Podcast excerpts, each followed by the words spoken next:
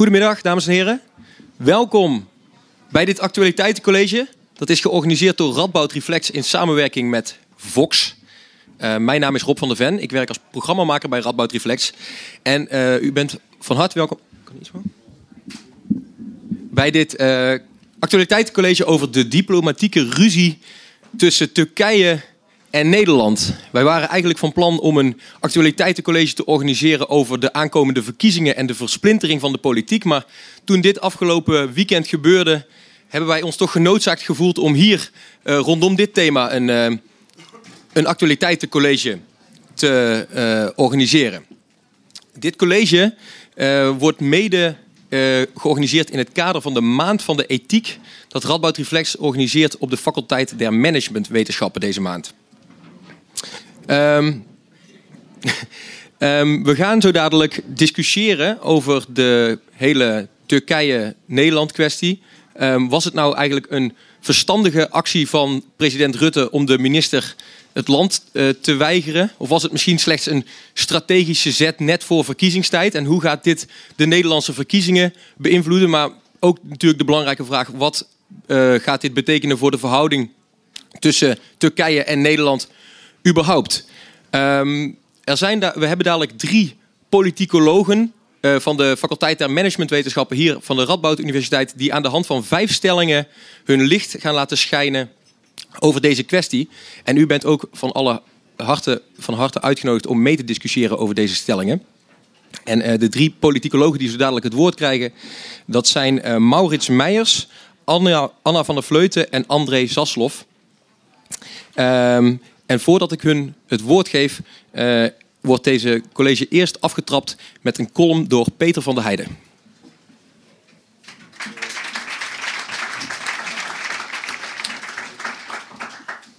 Nou, om, de, om de schande compleet te maken ben ik ook politicoloog, maar goed, dat terzijde. Beste mensen, ik doe het gewoon maar meteen. Ik gooi er direct een stevige Godwin in. U kent hem vast wel, de wet van Godwin. Voor hen die hem niet kennen, deze wet houdt in dat naarmate een online discussie langer duurt, de waarschijnlijkheid van een vergelijking met Nazi-Duitsland en Hitler tot één nadert. Daar komt hij dan. De Godwin om de discussie mee te starten. Hoe geloofwaardig is een opgewonden, besnorde, geen onbelangrijk detail, antidemocratische, ook niet geheel onbelangrijk, buitenlandse leider als hij zijn volk ophitst tegen een ander volk en de regering van dat volk beticht van fascisme? Die in de Godwin 2 goed Nurembergse traditie schreeuwt dat Nederlanders de nazaten zijn van nazi's en zich antidemocratisch opstellen tegenover een regime dat, laten we voor het gemak nog een Godwinnetje 3 ingooien, net als in 1933 de grote leider meer macht wil geven ten koste van de volksvertegenwoordiging. In mijn ogen niet al te geloofwaardig. Een bondige reactie van de Nederlandse regering had wat mij betreft volstaan een reactie die verbale conflicten in Huizen van der Heijden doorgaans naar volle tevredenheid weet te beslechten. Nee, jij ruikt lekker. Maar nee, Rutte ging er serieus op in. En liep zo in het mes van de Turkse regering. Want die minister van Buitenlandse Zaken wilde natuurlijk helemaal geen toespraak houden in Rotterdam. Het enige dat hij en zijn grote baas wilden was een relletje. Wat zeg ik? Een rel. En wat doe je dan? Terwijl er nog helemaal geen sprake van is, heel hard gaan roepen dat er enorme diplomatieke, politieke en economische sancties volgen als de landingsrechten van de betreffende minister zouden worden ingetrokken. Boodschap: als jullie niet doen wat wij eisen, dan zwaait er wat. En dat bracht Koen dus op een idee. Want je maakt mij niet wijs dat hij zoiets uit zichzelf zou kunnen bedenken. Het is per slot van rekening Frans Timmermans niet. Laten we de landingsrechten intrekken. Want we laten ons potverdikkie niet chanteren. De Turkse actie werd helemaal geniaal toen ze als klap op de vuurpijl, bijna letterlijk via de achterdeur, nog een confrontatie forceerden door een andere minister met de auto te sturen. Tja, haar konden de landingsrechten niet ontnomen worden. Om de analogie met Huizen van de Heide nog eens door te trekken. Een dergelijke gang van zaken loopt bij ons ook nooit goed af. Weliswaar valt het aantal demonstranten voor de deur doorgaans mee. Blijven de ruiten door de bank genomen gespaard. Maar de verhoudingen zijn naar de galamiezen. De sfeer lange tijd om te snijden. En zonder wederzijds gezichtsverlies valt het nauwelijks goed te maken. Precies dus wat er de afgelopen weekend gebeurde op die demonstranten en Ruitenaar dan.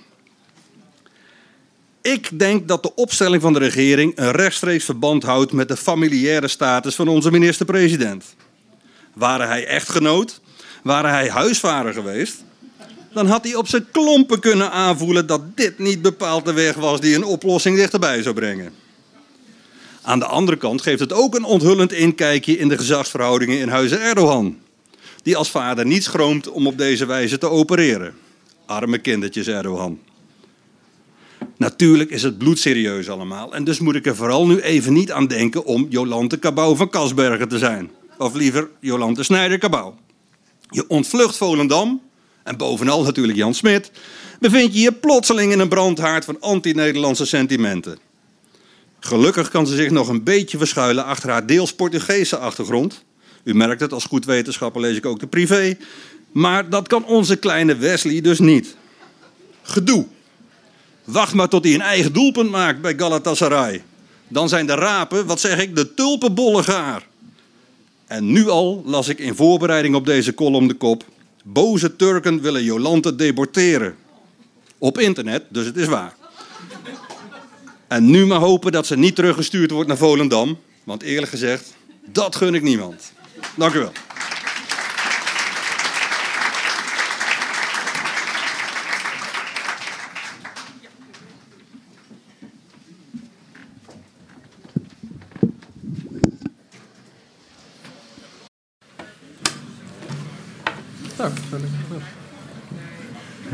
Oh ja.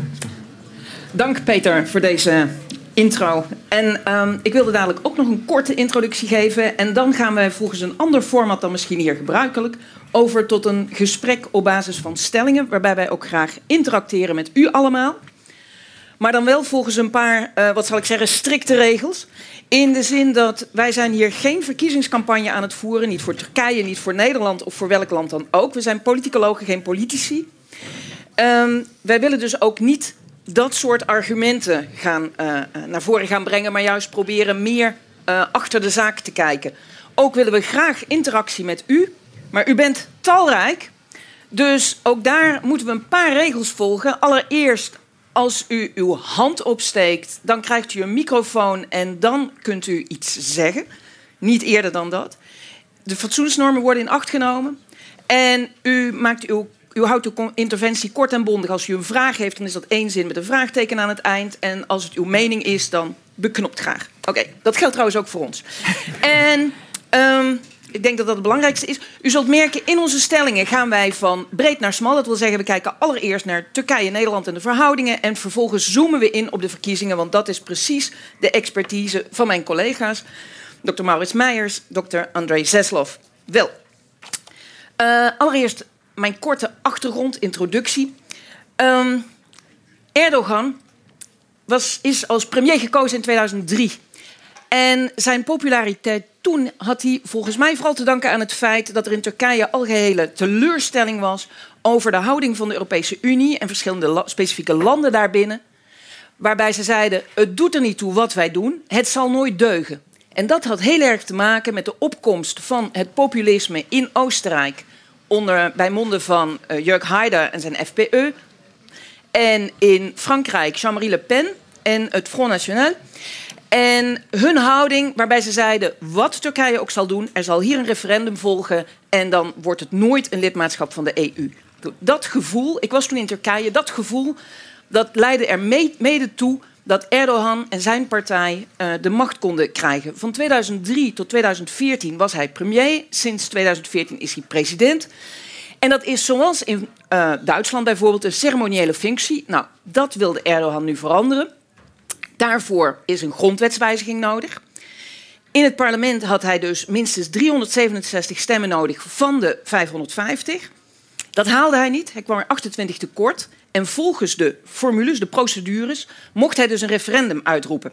Als je meer dan 300 zoveel stemmen had, dan uh, was het mogelijk om via een referendum aan de bevolking voor te leggen: uh, zijn jullie het eens met deze grondwetswijziging? Wat ik interessant vind is dat. Dit is niet nieuw in de geschiedenis natuurlijk. Een leider die probeert zijn eigen positie te versterken door middel van een wijziging van de grondwet. Denk aan Charles de Gaulle, 1958. Wat was zijn argument? Frankrijk heeft in Zuidoost-Azië, in Vietnam, de zaak verloren. Dien Bien Phu. Dat had zich in het, geheugen, het collectieve geheugen gegrift. Frankrijk zit in grote problemen in Algerije. Met, deze, met dit parlement, met deze vorm van regeren, redden we het niet. We hebben een sterke leider nodig. Die sterke leider ben ik, sprak de Gaulle.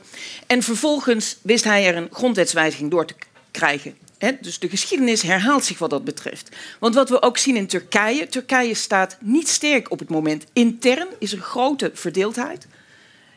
We hebben afgelopen zomer uh, de koep gezien. Uh, sindsdien is daarop gereageerd door groot aantal, grote aantallen militairen, journalisten, rechters en collega's van ons, uh, academici, vast te zetten. zonder verder vorm van proces. Dus een werkelijke heksenjacht. Er is het probleem in Zuidoost-Turkije, met andere woorden het Koerdische probleem, wat steeds opnieuw opspeelt. En Erdogan heeft baat bij het creëren van vijandbeelden, zowel binnenlands als naar het buitenland toe, om ervoor te zorgen dat iedereen zich toch maar achter hem schaart. zijn Dien Bien dat is hem zeer dierbaar. Kortom, Turkije is gekwetst sinds, sinds eigenlijk begin jaren, van de jaren 2000. En uh, de leider Erdogan probeert nu de grote verdeeldheid die er is binnen Turkije en ook onder Turkse Nederlanders op zo'n manier naar zichzelf toe te buigen dat hij daar maximum profijt uit heeft. En hoe is de vraag dan, hoe moet Nederland dan reageren? Hoe moet een Mark Rutte dan reageren? En dit brengt ons tot onze eerste stelling, namelijk de escalatie van het Turkse incident, om het zo maar te noemen. De situatie waarvan u alle de beelden inmiddels kent in Rotterdam. De, de escalatie daarvan was te voorkomen. Mark Rutte had anders kunnen reageren. De hele Nederlandse regering, ook Koenders, had anders kunnen reageren. Wie van jullie mag het woord hierover geven? Kort. ja. ja, André. Nou, aan de ene kant natuurlijk was het um, te voorkomen. Maar ik denk eigenlijk voor Mark Rutte was het niet mogelijk. Um, en ik zeg het omdat Mark Rutte, Mark Rutte, Mark Rutte hij heeft al een bepaalde strategie voor de verkiezingen gekozen. Hm. En om um, um, Wilders aan te pakken. Persoonlijk zou ik het anders doen. Maar voor Mark Rutte's strategie, het was niet te voorkomen. Hij moest eigenlijk streng zijn om te vermijden dat er nog een mogelijkheid was voor een afwezig Wilders in de afgelopen week. En hij heeft het geweldig gespeeld. Hij heeft het geweldig gespeeld voor twee redenen. Hij heeft het debat gewonnen. En hij heeft het gewonnen omdat er was geen mogelijkheid, een klein mogelijkheid voor, voor Wilders. Maar Wilders moest toegeven. Hij zei, nou, ik ben eigenlijk het eens. En dan nog tweede, wat ik slim van Rutte vind, en misschien was het een beetje toevallig, hij heeft de political capital van Abu Dhabi gekregen. En dat is eigenlijk, misschien was het niet strategisch, maar Rutte is sowieso een Abu Dhabi leidt als het over, misschien niet leidt, heft stevig, als het over integratie gaat. En nu heeft hij wel Abu Dhabi aan zijn kant. En ik denk dat is wel goed voor vier zetels. Oké, goed. Toch, Maurits, toch. Um, het argument dat door Rutte gebruikt is, is ja. Uh, er werd we waren bezig met een diplomatieke oplossing te zoeken. Uh, maar op CNN werd er toen gedreigd door uh, vertegenwoordiger van de Turkse regering. Dus wij konden niet anders. Ja. Is het op het moment dat je je laat provoceren door een opmerking voor een Amerikaanse televisiezender niet eerder een teken van zwakte dan van sterkte? Nou ja, ik vond het ook wel heel opmerkelijk inderdaad dat uh, ook in het interview in uh, Buitenhof dat uh, minister Koenders zei dat dat, dat dat fragment op CNN was, was, was een breekpunt. Ja. dat vond ik heel interessant. dat blijkt ook dat bepaalde niet de feiten die zich voltrekken in Rotterdam belangrijker zijn, maar misschien ook een kwestie van, van eer en nationale identiteit. En, en dat dat logisch is voor, voor centrumrechtse politici zoals Mark Rutte, dat snap ik. Um, eh, het is interessant dat de Partij van de Arbeid daar niet terughoudender in was. Vooral als je beseft dat een paar dagen eerder in de Europese Raad was besloten dat op kleine schaal zulke uh, bijeenkomsten van uh, Turkse ministers over het algemeen goedgekeurd worden. Of in ieder geval dat het mag. Ja. Um, dus um, dat was natuurlijk opmerkelijk, omdat in de eerste plaats zou het daarom gaan. Tenminste, dat werd gezegd door de Turkse regering. Of dat waar is, dat is natuurlijk niet, uh, kunnen we nu niet zeggen, maar dat is in ieder geval wel een interessant gegeven. Oké. Okay. Um, ik zie nog geen handen opgewonden. Nee. Oh, ja, oh, oh, oh, oh oké. Okay. Waar is de microfoon? De hand daarachter was eerder en dan hiervoor. Reactie. Ja, ik heb nog niet helemaal een antwoord op die stelling. Um, hoe, wat hadden ze dan moeten doen om okay. de escalatie te voorkomen? Ja. Dat antwoord heb ik niet gehad. Oké. Okay. Maurits, wat was een optie geweest? Nou, een optie was geweest om um, in ieder geval, tenminste de grootste escalatie was natuurlijk uh, dat de uh, minister Kaya van familiezaken voor haar eigen consulaat stond en niet naar binnen mocht. Dat is denk ik uh, een van de grootste esca escalaties. Dat was zeker te voorkomen geweest. Ik denk ook niet dat er heel veel voordeel is uitgehaald door de Nederlandse regering om daar zo hard uh, uh, op te treden. Um, en ja, het is ook een beetje de vraag: wil je jezelf laten bespelen door zo'n kwesties van eerder? Dus ik denk dat ze dat ook gewoon, uh, gewoon hadden kunnen zeggen. Nou, we willen geen grote bijeenkomsten. Dat kan je natuurlijk ook regelen. Je kan zorgen dat het, dat het afgezet wordt enzovoort. Um, dat moet logistiek te doen zijn. En dan. Um, een kleine, een kleine bijeenkomst in, de, in het consulaat gewoon uh, laten plaatsvinden. Dan had je natuurlijk de electorale consequenties, waar Andre het over gehad heeft, en daar gaan we het straks ook nog over hebben. Maar als je gewoon kijkt naar wat, wat zou een, een redelijke oplossing zijn, ja. lijkt mij dat wel een redelijke oplossing geweest. Goed, dus gewoon de minister van Familiezaken binnenlaten in het consulaat en daar een beperkte bijeenkomst. En er was nog een opmerking. Ja. Uh, Nederland en Turkije zijn allebei lid van de NAVO en dus bondgenoten. En ik vraag me af, hoe kijken de andere NAVO-lidstaten naar zo'n conflict binnen het bondgenootschap? -hmm.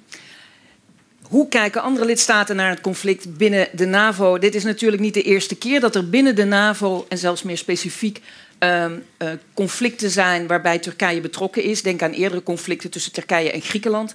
En gewoonlijk in een bondgenootschap voelt dat altijd wat ongemakkelijk. Mm -hmm. En probeert men juist te deescaleren. Ik weet niet of je hier nog iets op wilt aanvullen. Vullen.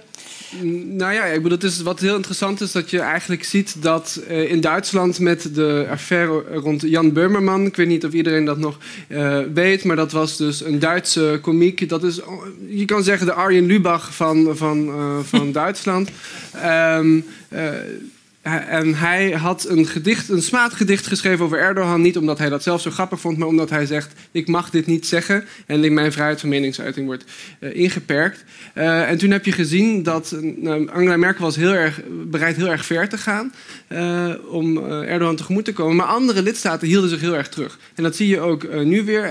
alleen Denemarken heeft, iets, heeft een steun uitgesproken. En uiteindelijk de commissie. Wij waren nog aan het lachen, want eerst was het ja. de commissie en het was Frans Timmermans. Uh, maar gisteravond dus heeft ook uh, Federica Mogherini, de uh, High Representative um, of External Affairs, heeft ook iets gezegd. Um, maar dat natuurlijk op EU-niveau. En in de NAVO, um, ja, zo, zo, min mogelijk zeggen, hopen dat het probleem voorbij gaat, dat is denk ik hun strategie. Ja. Precies. Vooral voorkomen dat dit verder escaleert. Hetgeen ons tot de volgende stelling brengt. De regering, bij monden van Mark Rutte in ieder geval, stelde dat ze een strategie van de-escalatie volgde. Wat mij opviel daarbij was dat Mark Rutte ook de woorden in de mond nam uh, die eigenlijk aan Konrad Adenauer toehoren, bij mijn weten, namelijk keine experimenten, geen experimenten. Nu sprak Adenauer dat uit op een moment dat de uh, Bondsrepubliek nou ja, juist uh, ontstaan was uit de puinhopen na de Tweede Wereldoorlog. Dus een hele prille, kwetsbare democratie. En op dat moment zei hij dus nee, hè, keine experimenten. En nu zegt zegt Rutte datzelfde. Hè? Staat het er zo slecht voor, zou je bijna zeggen, met de uh, Nederlandse democratie? Dat lijkt mij niet. Dus interessant dat hij die vergelijking uh, gebruikt. Dus het klinkt dan toch naar een soort angsthazerij. Heeft, heeft Rutte inderdaad gedeescaleerd op zondag, zondagavond? Wie? Ja, ik kan beginnen. Um, nee. Ik denk het niet. Nou, ik, toen je aan het praten was, ik denk, never waste a good crisis. Ik denk dat, um, ja, precies, um, hij heeft uh, precies um, tegenovergesteld gedaan. En ik denk dat hij, het was wel en, en, en, en slim, wat doe je? Je creëert een crisis. Dan ga je de crisis, de crisis oplossen. En dan ben je de, de sterke leider. En onderlang, onderlang, onderlangs heb je ook... Um, ja, je, je vernietigt jouw opponent. Ik denk nou, strategisch was het eigenlijk, hoe meer ik over nadenk, dat het um, niet de-escalatie was en, en een goede strategie. Ja. Maar een bewuste Ja. strategie van Bewust een escalatie. goede, als je Rutte bent. Ik, nou, ik Ja. wil niet Rutte worden, maar als ik zo een Ja. strategie moet um, uitvoeren. Uh, Ja, nou ja, wat ik, wat ik er nog aan toe eh, kan voegen is dat. Het is wel interessant te zien. eh, ik, ik, ik weet niet of mensen dat gelezen hebben, maar de analyse van Joost de Lagendijk, die eh, Turkije-expert, hij zegt eigenlijk ehm, eh, dat het precies is zoals Erdogan het ge- gepland heeft. En ehm, dat hoe meer er ehm, tegen de rechten van eh, Turkse burgers in Europa ingegaan wordt, meer hij het argument kan maken, zie, eh, die eh, westerse democratieën, ze doen alsof ze zo democratisch zijn, maar dat zijn ze eigenlijk niet. Ehm, en als dan een demonstratie hardhandig wordt aangepakt met politiehonden, die natuurlijk in een islamitische staat haram zijn. Ik bedoel, dat zijn allemaal van die eh, kleine details die ik denk toch wel heel erg een rol spelen. Nou, dat, is- dat is niet zo handig. Ehm, maar goed, het is natuurlijk altijd de vraag wanneer. Vanaf welk moment had je kunnen deescaleren? Ik denk toen die minister wilde landen, als je hem had laten landen, dan had je al een beetje de situatie gedeescaleerd. Misschien wilden ze in de kaart gespeeld, maar in ieder geval de diplomatieke Ja. eh, rel voorkomen. Eh, hetzelfde geldt voor eh, die minister haar consulaat binnen te laten. Ehm, de escalatie die daarop volgde eh, tussen de betogers en, eh, en de ME. Goed, dus dat, eh, ik ben natuurlijk geen expert in, in, in zulke soort dingen. Maar goed, misschien was dat niet meer te voorkomen. Maar dat is natuurlijk omdat zich die andere if- ja, gebeurtenissen al vertrokken hadden. nou, maar je, ja. ik zit, Ja? ja, oké. Kort? Ja, kort. Nou, ik zit te denken, misschien was er eigenlijk een... Ik, ik bedoel het half als een, als een grap. Misschien was er eigenlijk een, een afspraak tussen Erdogan en Rutte. Want wat je eigenlijk hebt, is je hebt twee soort, twee soort verschillende populismes. En ik zeg niet, nou, Rutte, uh, hij probeert uh, populisme te, te bestrijden. En hij, hij is niet populist zelf, maar hij is wel een, een invloed. En een Erdogan is een typisch populistische strategie. Het is gewoon vijand en eigenlijk Erdogan. En er zijn diplomatische consequenties, maar uh, short term, ik denk dat Erdogan en Rutte, die zijn allebei gewonnen. Ja. Het is in, in hun, ja. Ja, de leider die de troepen achter zich Ja, verenigt. Ja, ja, ja. precies. Vragen, opmerkingen? Nee? Dan, Hier zijn. ja. sorry? Ja, Ja, ik heb één vraag nog over de vorige stelling. ja. Ehm, volgens mij werd niet gezegd, maar Angela Merkel die heeft als het goed is ook gisteravond steun aan Nederland gegeven. En dat werd er net niet benoemd. Maar dat is als het goed is wel gebeurd. Ze werd er net buiten gehouden, dus ja. ik weet niet precies. Wat opviel aan de. Hè, dus dat, dat Angela Merkel ook steun heeft gegeven aan Nederland, niet alleen Denemarken. Wat opviel aan haar woorden, wat mij opviel aan haar woorden, was dat ze vooral zei. Naar aanleiding van de uitspraak van Erdogan dat Nederland eh, nazistisch en fascistisch zou zijn, dat ze zei dat kan niet. En in deze zin spreek ik mijn solidariteit en steun uit. En ze hier onthield zich heel erg nou ja, slinks zou je ook kunnen zeggen, maar in ieder geval, ze onthield zich duidelijk van steun aan de door de Nederlandse regering gevolgde strategie. Daar maakte ze een duidelijk verschil, zou je kunnen zeggen. Dat wat ze niet zei, was wat dat betreft eh, ook wel weer heel veelzeggend. Dat, eh, Ja.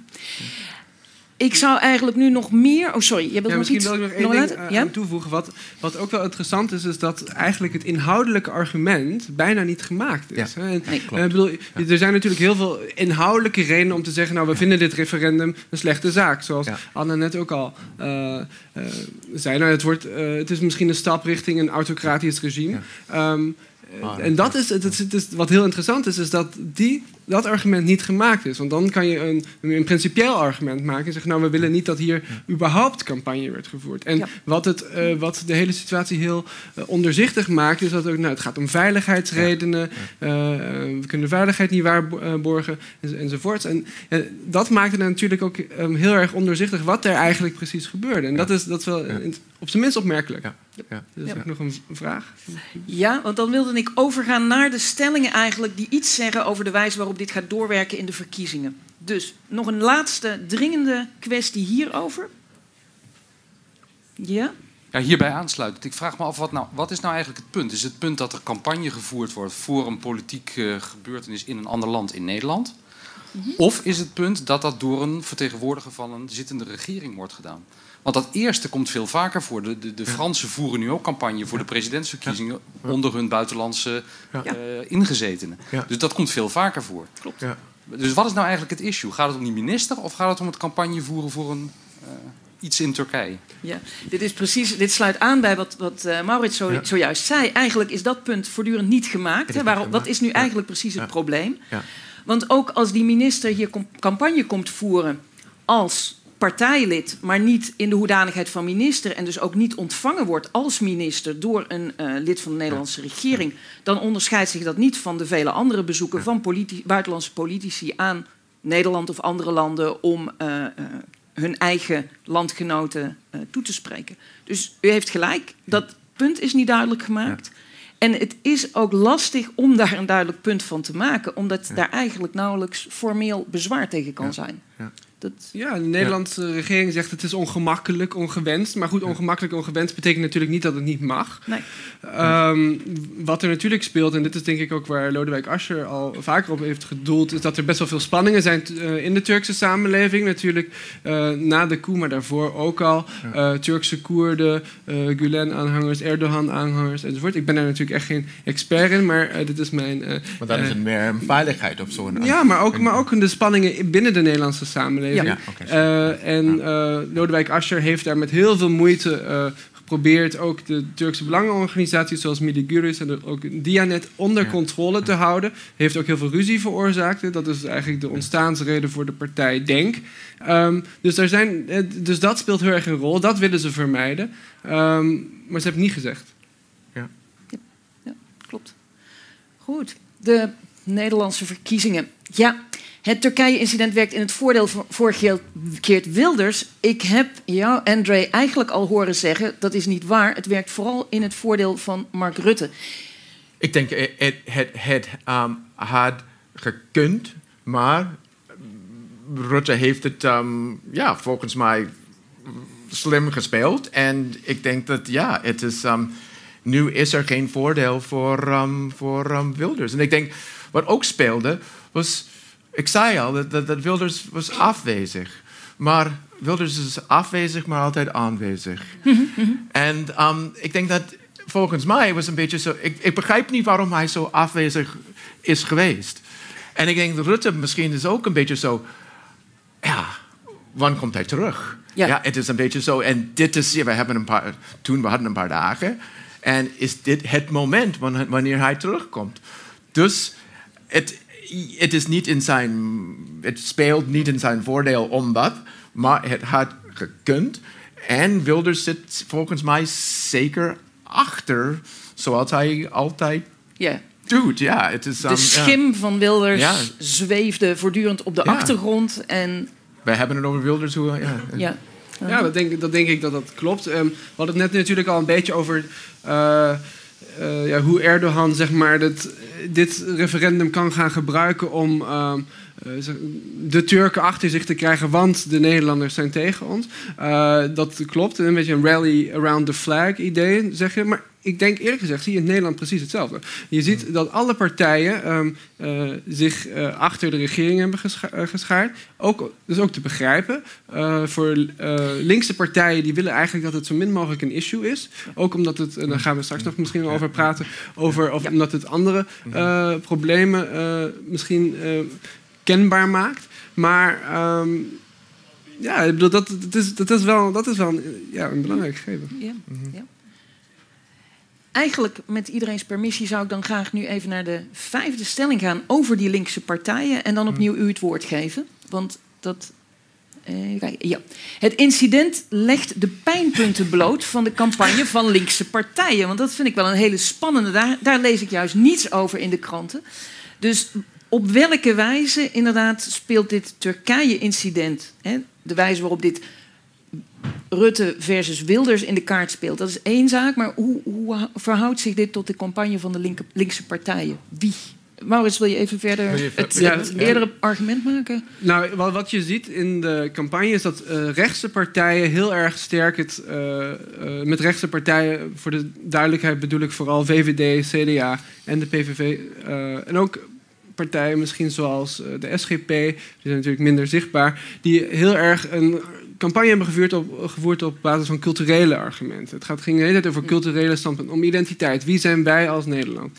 Ehm, voor linkse partijen ging het veel meer om sociaal-economische vraagstukken. De zorg, eh, arbeids, eh, de, onge- de ongelijkheid over het algemeen. En ehm, wat je ziet dat voor sommige linkse partijen zitten een beetje in een, een spagaat. Ze willen zowel de, eh, misschien de kiezer bereiken die eerder lager opgeleid is, eerder misschien eh, nood heeft en interesse heeft in een sociaal vangnet, maar die is ook vaak eh, heeft een cultureel conservatievere standpunten. En dat is eh, een probleem waar partijen zoals de Partij van de Arbeid heel erg mee zitten. Die willen zowel- beide groepen, ze willen zowel de mensen die misschien hier aanwezig zijn bereiken, maar ook de mensen die zich heel erg sterk zorgen maken om immigratie, maar zich altijd wel eh, als een linkse kiezer hebben gevoeld. En die, eh, dat dreigt natuurlijk dat die nu eh, om culturele redenen op andere partijen gaan stemmen. Niet alleen op de PVV, maar ook naar partijen voor, voor de, op de VVD. En dus het, wat misschien een gevaar is voor linkse partijen van dit hele incident, is dat mensen eerder nog op culturele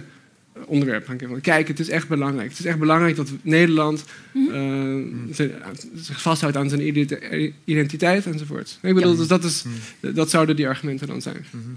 Dat het zelfs bij, ook bij links, eh, van oorsprong of van oudsher links, eerder linkse kiezers... Ja. toch de gevoelige snaar raakt van... als wij hier niet eh, sterk stand, een sterk standpunt in innemen... dan riskeren wij om eh, een speelbal te worden in eh, processen... Hè, waarbij een bepaalde vorm van islam, een politieke islam... een rol gaat spelen in internationale en binnenlandse verhoudingen.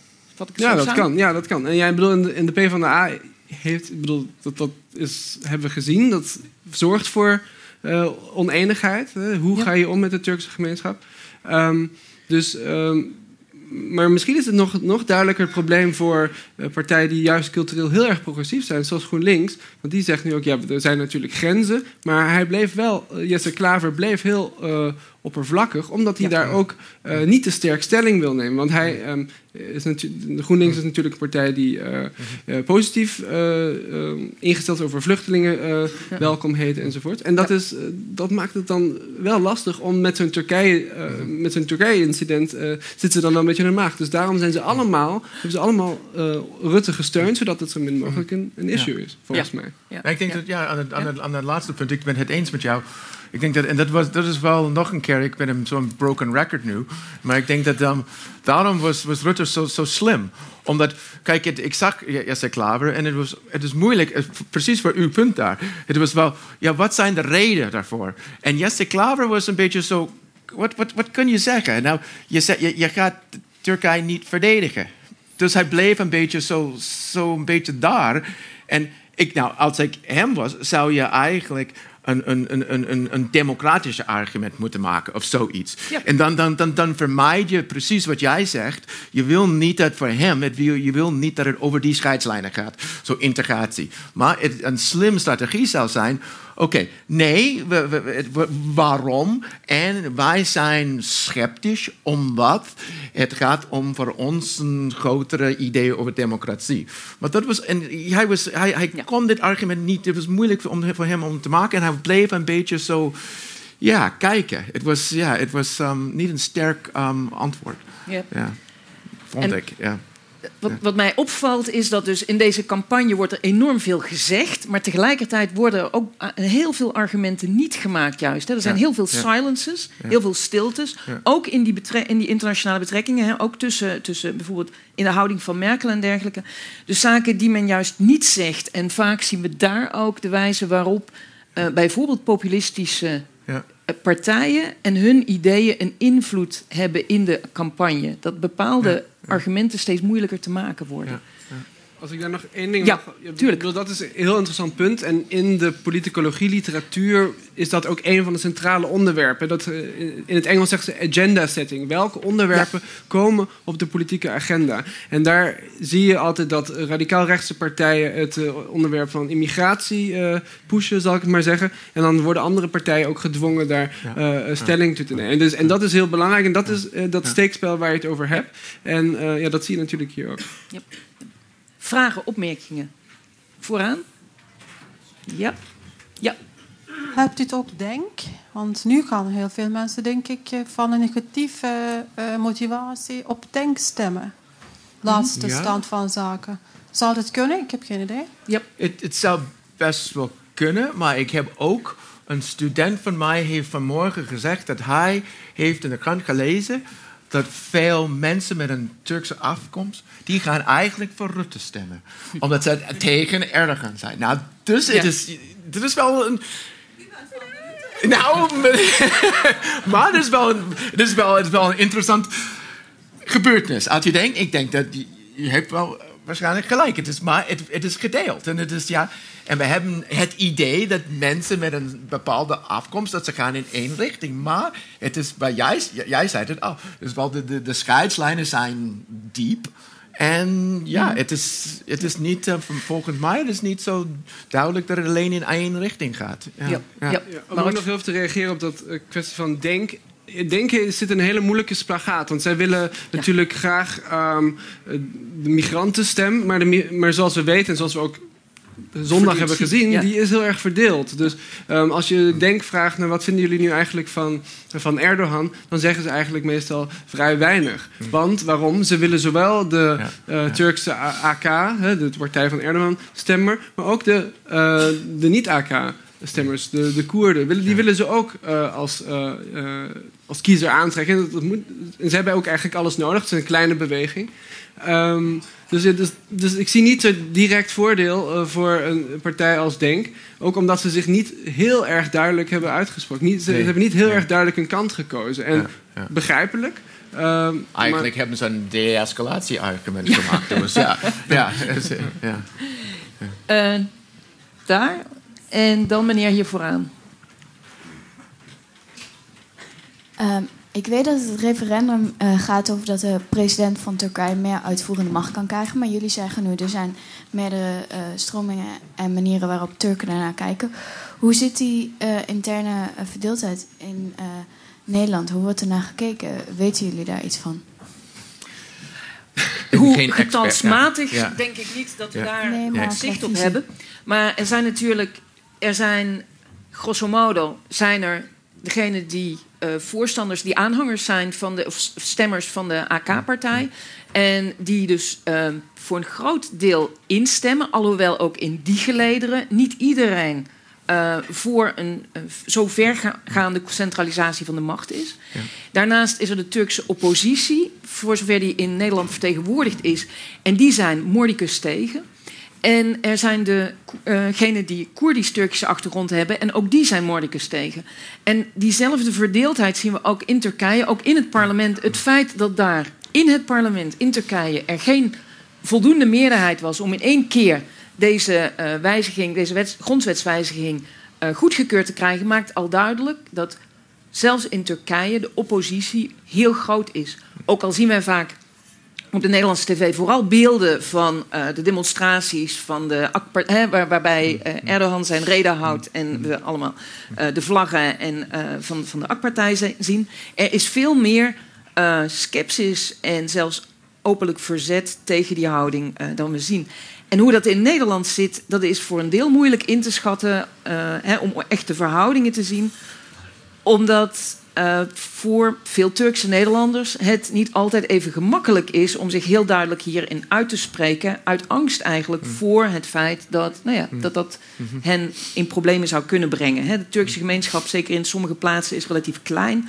En dan ja, kan het lastig liggen om hierin heel erg duidelijk eh, naar voren te komen. Ja, ik heb ook geen cijfers over Nederland. Ik weet wel dat in, in eh, Duitsland zijn ongeveer 50% van de, van de Turkse stemgerechtigden Ja. stemt eh, AKP, of AK-partij. En de, de helft niet. Dus het is echt verdeeld. En in Nederland eh, lijkt mij dat het eh, soort gelijk is, maar er zijn natuurlijk verschillende scheidslijnen. Het is niet alleen dat, het is ook tussen Koerden en, eh, en etnische Turken en, enzovoort. Dus het, is- het is een ingewikkeld.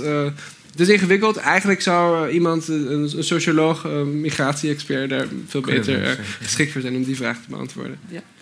Er was een vraag ook hier, ja, hiervoor. Misschien hier. Dankjewel. Ja.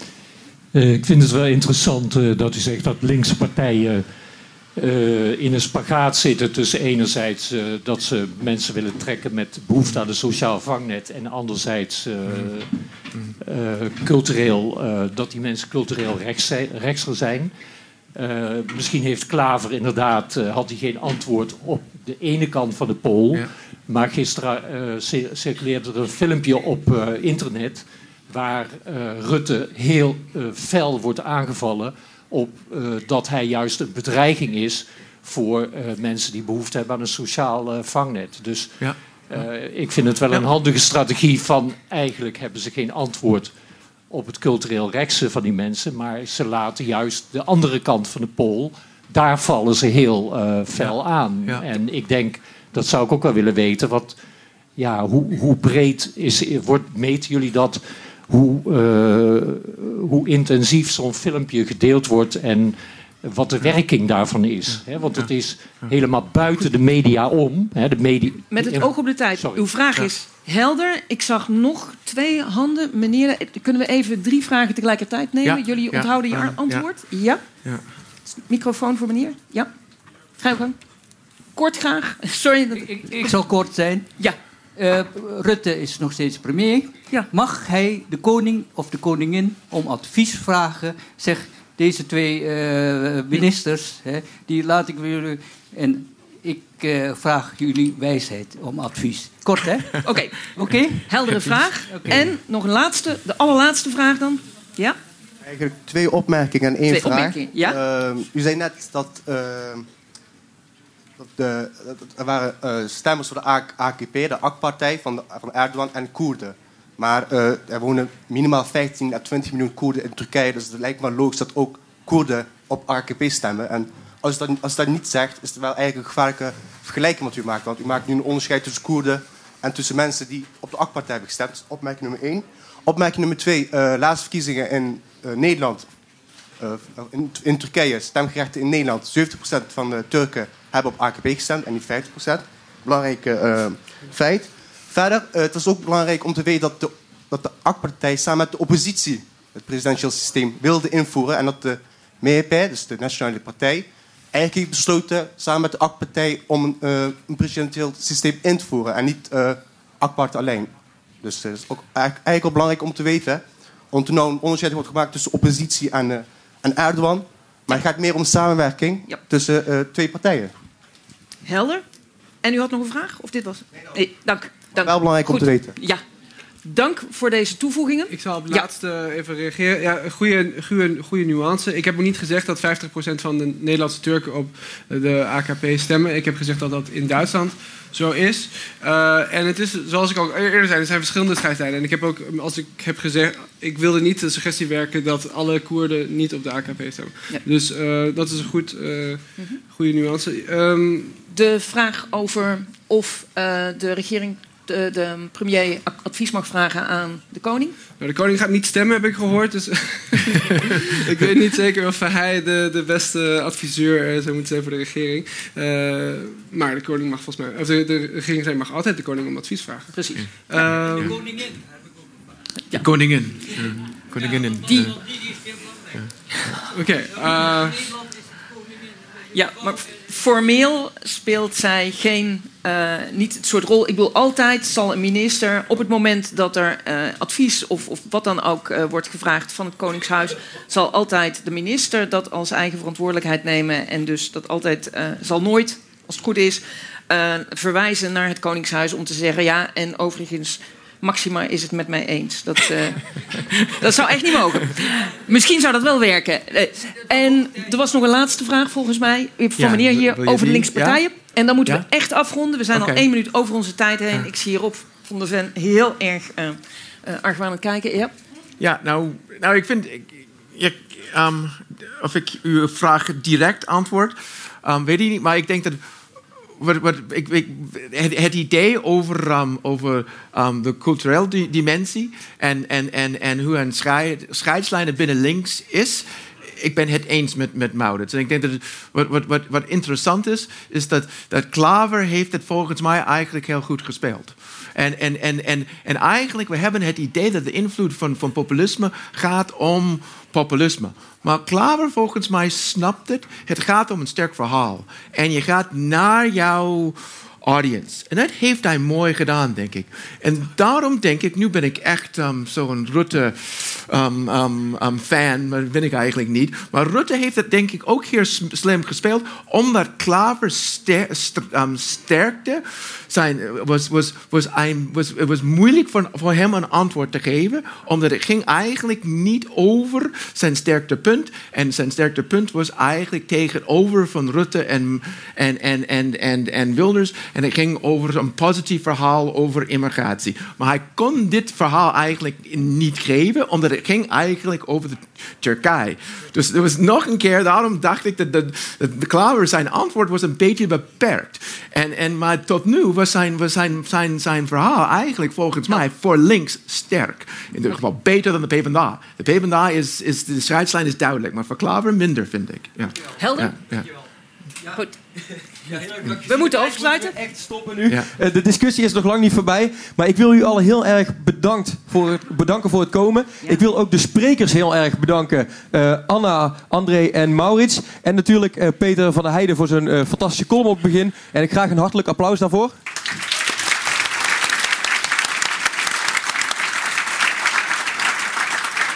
En dan hoop ik u allen binnenkort weer een keer te zien bij een van de andere leuke activiteiten van Radboud Reflex. En ook een hele fijne dag van vandaag.